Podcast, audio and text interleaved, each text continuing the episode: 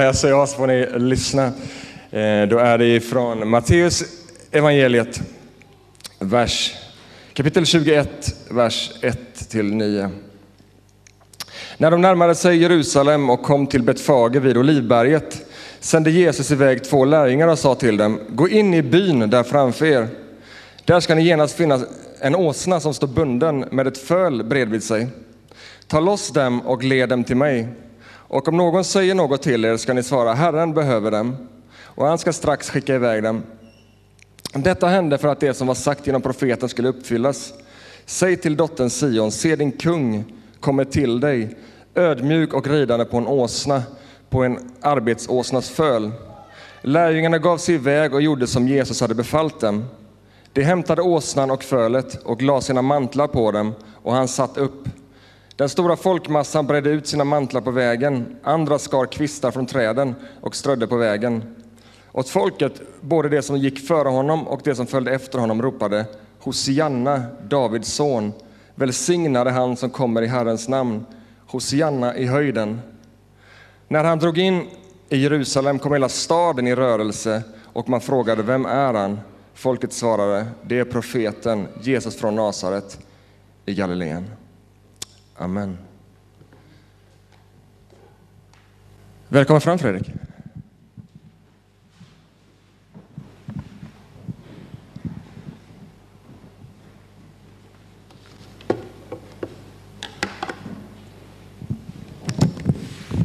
Så, vi är så glada att få vara här den här söndagen tillsammans med er.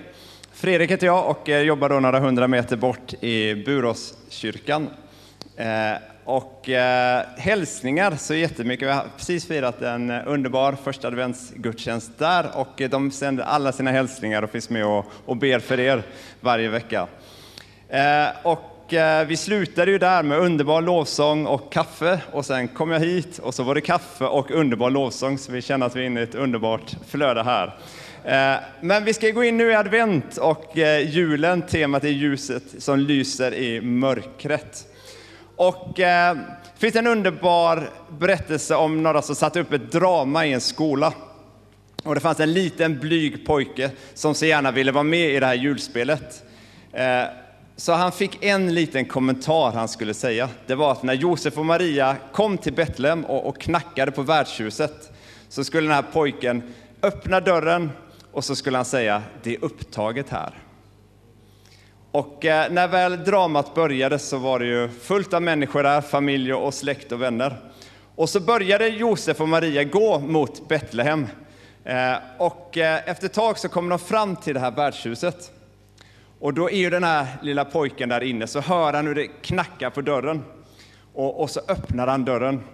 Och så ser han ju Josef och, och Maria och han tittar mot magen också och vet, där är Jesusbarnet. Och så säger han, det är upptaget. Och så stänger han dörren.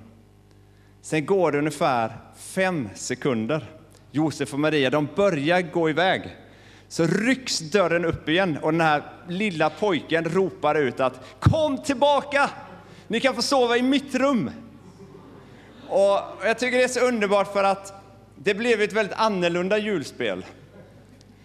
Men samtidigt blev det en sån otroligt viktig påminnelse för, för oss alla. Att den här barnet han hade, fick sån kärlek till Jesus så han kunde bara inte säga att det var upptaget. Och att vi när vi går in nu i den här tiden av, eh, av advent och jul, att vi inte heller blir för upptagna av att missa det det verkligen handlar om, utan tvärtom får vara upptagna med att lära känna honom som kom ner till oss. Så låt oss be. Herre, tack att vi har fått lyssna till ditt ord. Och vi ber att du, helig Ande, skulle göra det levande. Tack att vi den här dagen får vara upptagna av att få lära känna dig, Jesus. Amen.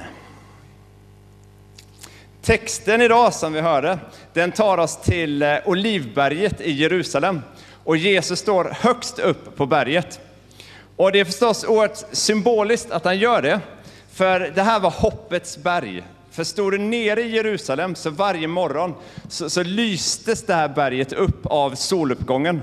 Så därför kallades det just för hoppets berg eller adventstidens berg. För att man sneglade upp där så väntade man efter att Guds ljus skulle komma ner med, med hopp och med räddning.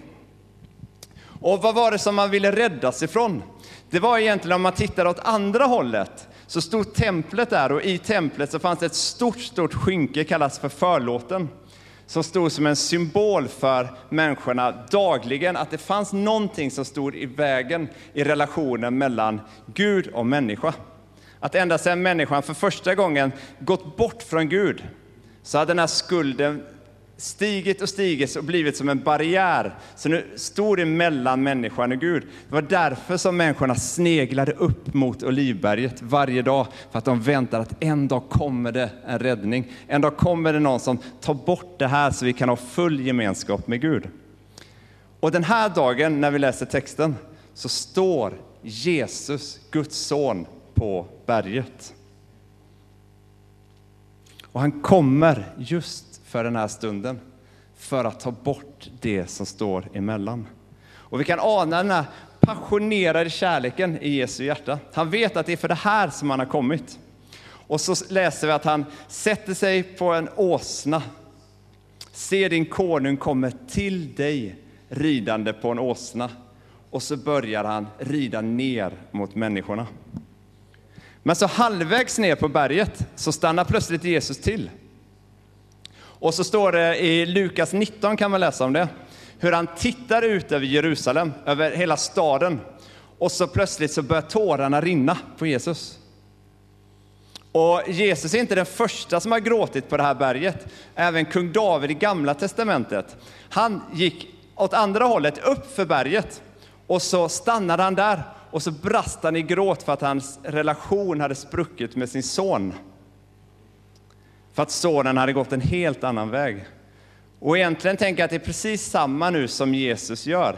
Att han gråter ju för att människan har tappat sin relation med sin pappa i himmelen. Så tårarna rinner från Gud. Och så säger han så här. Tänk om ni idag hade förstått vad som ger dig frid. Tänk om du förstod att detta är den tid då Herren besökte dig. Och jag tror att på samma sätt idag så gråter Jesus när han ser ut över Göteborg. Han tittar ut över den här staden så ser han människor som, som jagar efter friden, jagar efter bekräftelsen, jagar efter vad älskade, jagar efter den här räddningen. Och så tittar Jesus med tårar i ögonen och säger, tänk om ni idag Tänk om ni den här adventstiden, den här julen, förstått att det är jag som ger er frid. Att det är jag som kan ta bort den här barriären som står emellan. För det är ju någonting som vi själva inte kan nå, så därför kommer Jesus ner till oss. Och det är precis det nu som sker i texten, att Jesus stannar inte halvvägs. Vi har en Gud som, som inte är en Gud som står på avstånd och på distans, utan en Gud som kommer istället ner till oss. Han rider rakt ner till människorna, läser vi, med allt sitt goda. Jag läste något så underbart, det var ett barn som efter han har läst den här berättelsen, så skrev han ett brev till Gud och skrev att Jesus, när du kommer ner med allt det här goda som vi läste om, kan du också ta med kakburken, skrev hon, som ligger på vänstra sidan högst upp i hyllan, för jag når den inte. Och sen la hon till, PS, kaffeburken ser nästan likadan ut. Ta inte den, fem utropstecken. Men hon sätter ändå fingret precis på det det handlar om, att Gud kommer ner med någonting som vi själva inte når. Och jag älskar det här faktumet att han kommer på en, en åsna. Det finns många anledningar till det, men inte minst det här att när han väl kommer ner till människorna så innebär det att, att han inte kommer högt uppsatt på en stor stridshäst, utan han sitter på en ung åsneföl.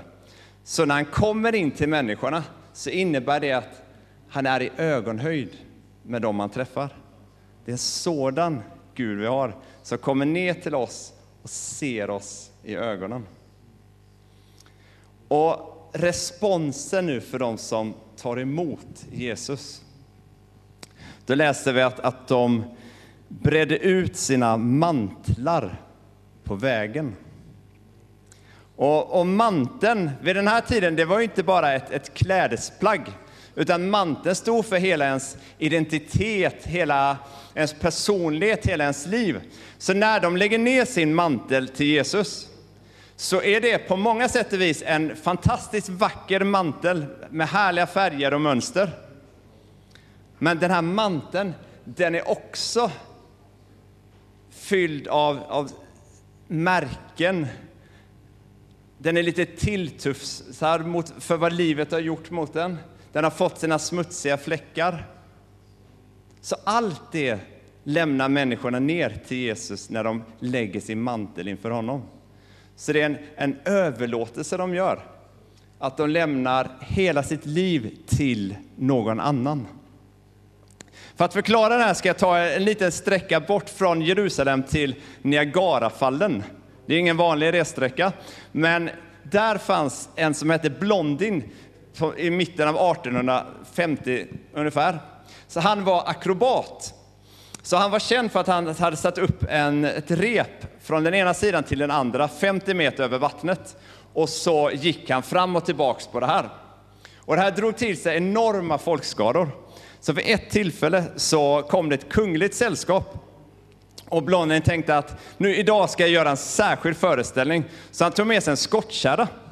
Och så gick han från den ena sidan till den andra med den här skottkärran.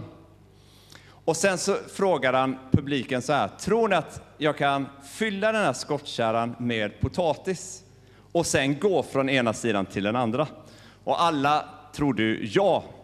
Och så fyllde han den med potatis och så gick han fram och tillbaka. Och det blev ett enormt jubel i publiken. Och mitt i detta jubel så gick han fram till det kungliga sällskapet och så tittade han prinsen i ögonen och sa så här.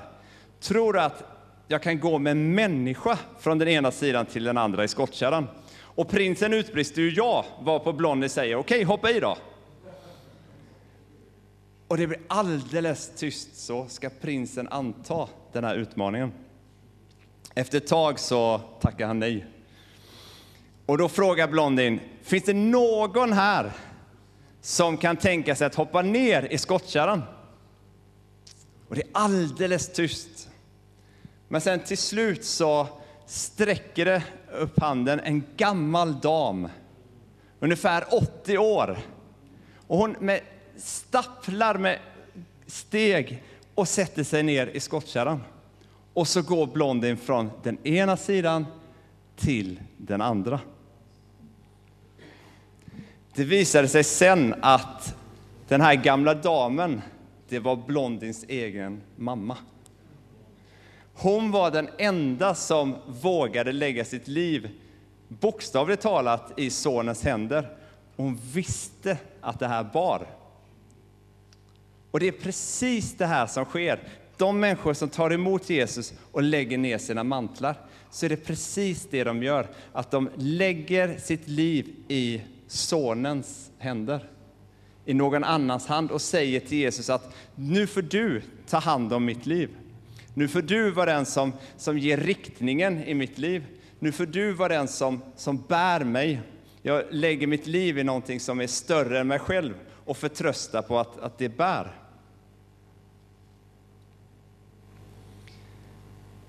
Och när de har gjort det så står det att de skär kvistar från träden.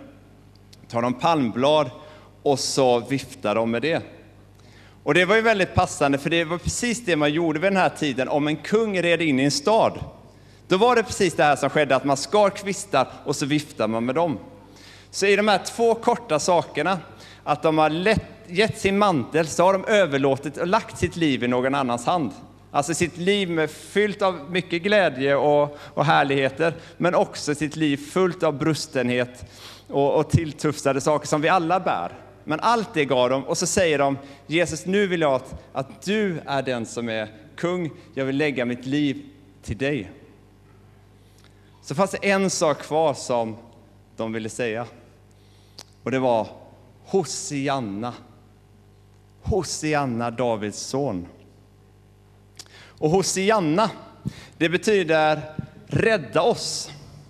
Och då är vi egentligen tillbaka där vi började, att det de längtade efter var att de skulle bli räddade från att ta bort allt det här som stod emellan så de kunde ha fullständig relation med Gud. Så därför vänder de sig till Jesus och så ropar de Hosianna, rädda oss Jesus, är du den som kan göra det? Och det som är så fascinerande här, det är ju att Jesu namn ingår i ordet Hosianna. På hebreiska heter Jesus Joshua och i det så, i Hosianna så finns Jesu namn. Så när de ropar rädda oss, så ropar de samtidigt Jesu namn. Vi har en härlig påminnelse där hemma om det här som ser ut så här. Och den har min son Melker eh, gjort eh, i scouterna som vi har i Buråskyrkan. Och varje år så har vi aktion. Och jag hade lovat Melker att jag skulle köpa den här kniven av honom. Och eh, när aktionen började i Burekyrkan, så sa jag det till mina ungdomar att jag har lovat Melker att köpa kniven. Och jag tänkte att nu kommer de heja på mig. Men istället såg man hur någonting hände i deras blickar. För nu inser de att vi kan ju trissa upp det här priset hur högt som helst, för Fredrik har lovat att köpa den av sin son. Så när alla andra satt tyst så satt det någon ungdom där som jag visste, han har inga pengar. Och hade han haft det hade han inte köpt en, en kniv. Men när jag säger 270 så säger han glatt 280, och jag, 350, 360 och det här fortsatte. Det gick högre, och högre och högre. Och till slut så tänkte jag att det här måste ta slut nu för annars kommer jag själv inte ha råd att varken köpa den eller köpa smör. Eh, så att efter ett tag när budet är väldigt högt och den här ungdomen har sagt det så blir jag alldeles tyst. Jag tystnar. Och då skulle ni se blicken hos den här ungdomen som nu vet att den sitter på högsta budet på den här smörkniven. Och auktionsledaren har börjat säga första. Och han tittar runt bland sina andra ungdomar, men det finns ingen där som vill hjälpa honom. Och det kan man ju förstå. Eh, och ingen annan gör det heller. Och han är alldeles vit i ansiktet. Och så till slut så, så tittar han på mig och så säger han så här, rädda mig Fredrik! Rädda mig Fredrik! Och det är klart att jag gör. Det hade jag ju tänkt hela tiden. Så jag höjer buret, 10 kronor till och sen fick jag den. Eh, men den händelsen är för mig en påminnelse om precis vad det handlar om. För när de här människorna går i Jerusalem och ser Jesus så har de tittat runt bland alla andra alternativ. Finns det någon som kan rädda mig? De har sett till sig själv. Kan jag rädda mig själv? Finns det någon annan? Men de inser att det finns bara en enda person som kan rädda oss. Och det är Jesus. Och därför säger de med samma passion som den här ungdomen till Jesus. Rädda oss Jesus, Hosianna. Och Jesus, han gör det. De vet inte hur han gör det, men Jesus vet. För han kommer rida vidare längre in i Jerusalem. Han stannar inte bara där, utan han rider vidare till Golgata, till korset, för att där ta på sig all den skuld som vi, vi har burit, för att sätta oss fullständigt fria. Och när man läser om det, så när Jesus precis dör, då står det att det här skynket i templet det rivs ner i två delar. Och vi kan återigen ha relation med, med Gud. Jag tror att den här åsnan visste det också. Vi skulle haft en bild här, men eh, ni får tänka er in istället. Men just de här åsnorna som var vid den här tiden, de hade alltså ett svart kors på sin annars gråa päls. Det är väldigt häftigt.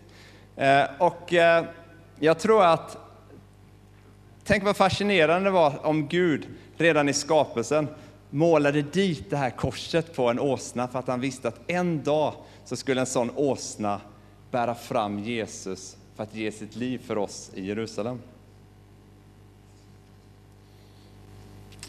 Men om vi nu ska ta det här lite mer personligt till oss, så skulle jag vilja att ni för en kort stund tänker att ni är den här åsnan. Kan ni göra det?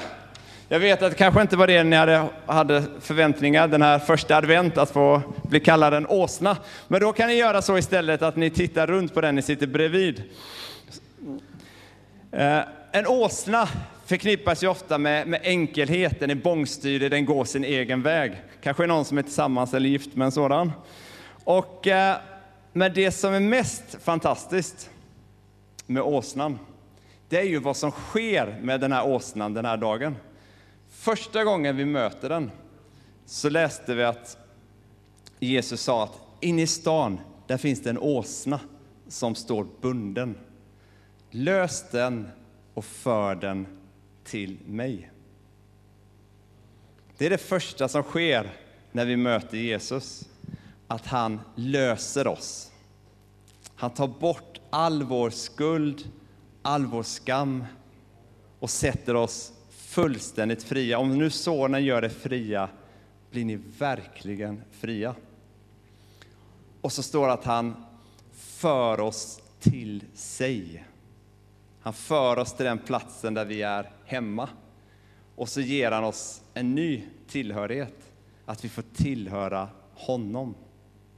Och jag tror att på samma sätt som den här åsnan har korset ingraverat, så är det precis på samma sätt.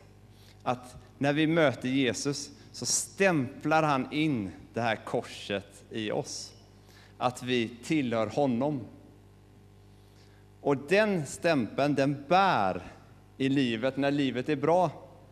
Men den bär också de mest tunga och mörka dagarna. Den bär alla våra livsdagar och också när livsdagarna här tar slut. Så vi blir fria och lösta, vi blir förda till Jesus, vi får en ny tillhörighet. Och sen så kommer något väldigt fantastiskt, att Jesus tittar på den här åsnan och så säger han, jag behöver den. Att jag behöver den här åsnan. Och det tycker jag är häftigt. För vi här inne tänker ju lätt att, att det skulle vara en pampig stridshäst som Jesus borde valt. Men Jesus säger istället, den här åsnan har jag valt. Och det är befriande. För jag tror att, för vi alla har samma kallelse här.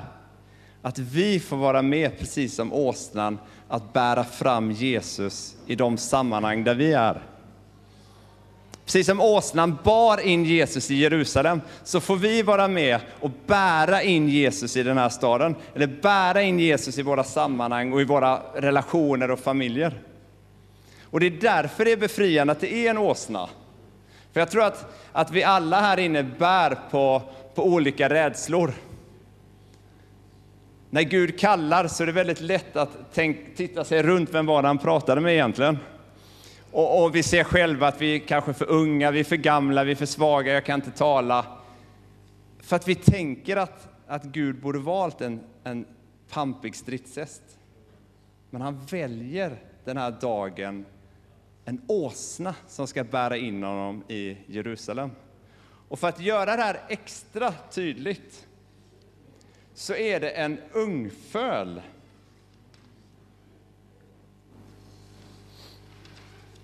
Och ett ungföl, vad var det för åsna? Det var en åsna som aldrig någonsin hade burit fram något innan. Aldrig någonsin någon hade suttit på. Så den åsnan väljer Jesus. Så om det fanns någon åsna som hade kunnat säga, Gud, vore det inte bättre att välja en annan åsna? Någon som är mer erfaren, någon som kan det här. Då vore det den här åsnan. För den här åsnan hade aldrig någonsin utfört ett uppdrag. Men ändå så tittar Jesus på den här åsnan och säger, jag behöver dig.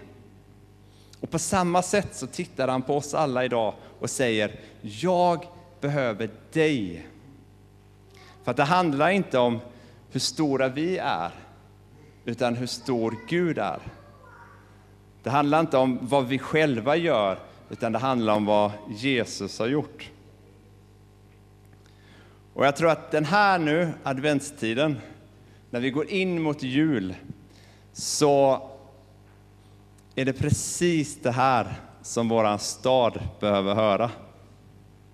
Att Jesus är ljuset som lyser i mörkret. Att Jesus kom ner till oss. Att han blev en av oss och gav oss allt sitt goda, hopp och frid och glädje och de här kakorna och till och med kanske kaffeburken. För det är en sådan Gud vi har, som kom ner till oss, som inte är på avstånd utan istället kommer ner och ser oss i ögonen för att säga Jag älskar dig. Så låt oss den här adventstiden vara upptagna med att, att lära känna honom. Och be att vi får berätta och föra fram det här i våra sammanhang. Låt oss be en, en bön. Herre, vi tackar dig för att du är den som är vår räddning. Att det finns ingen annanstans vi kan hitta den här räddningen utan bara hos dig, Jesus. Och tackar dig för att du kom ner till oss, du blev en av oss. Tack att du inte är ovanifrån eller på distans, utan att du kom ner för att se oss i ögonen och säga att, att jag vill sätta dig fri, jag vill föra dig till mig, jag älskar dig. Tack för allt som du har gjort och tack för allting som du gör. Och vi ber att det skulle få föda en sån passion i våra hjärtan, att du har gjort allt det här för oss. Att vi också får vara med att, att bära fram det här i våran stad. Inte som någon krav eller börda, utan bara som eh, en respons på allt gott som du har gjort för oss. För vi ber att den här staden skulle få upptäcka Jesus, att, att du är räddningen. Precis som du sa att tänk om ni idag hade förstått att det är jag som ger er verklig frid. Och därför ber jag också Jesus att, att du fyller oss alla här inne med, med helig ande, att du rustar oss med kraften och tack att vi får vara de här åsnorna. Att mitt i våran brustenhet, mitt i våran enkelhet så, så får vi finnas med och, och föra fram dig Jesus in i våran stad. Så människor får ett möte med dig.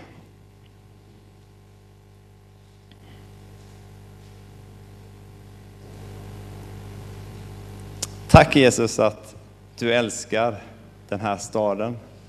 Du älskar var och en av oss här inne. I Jesu namn. Amen.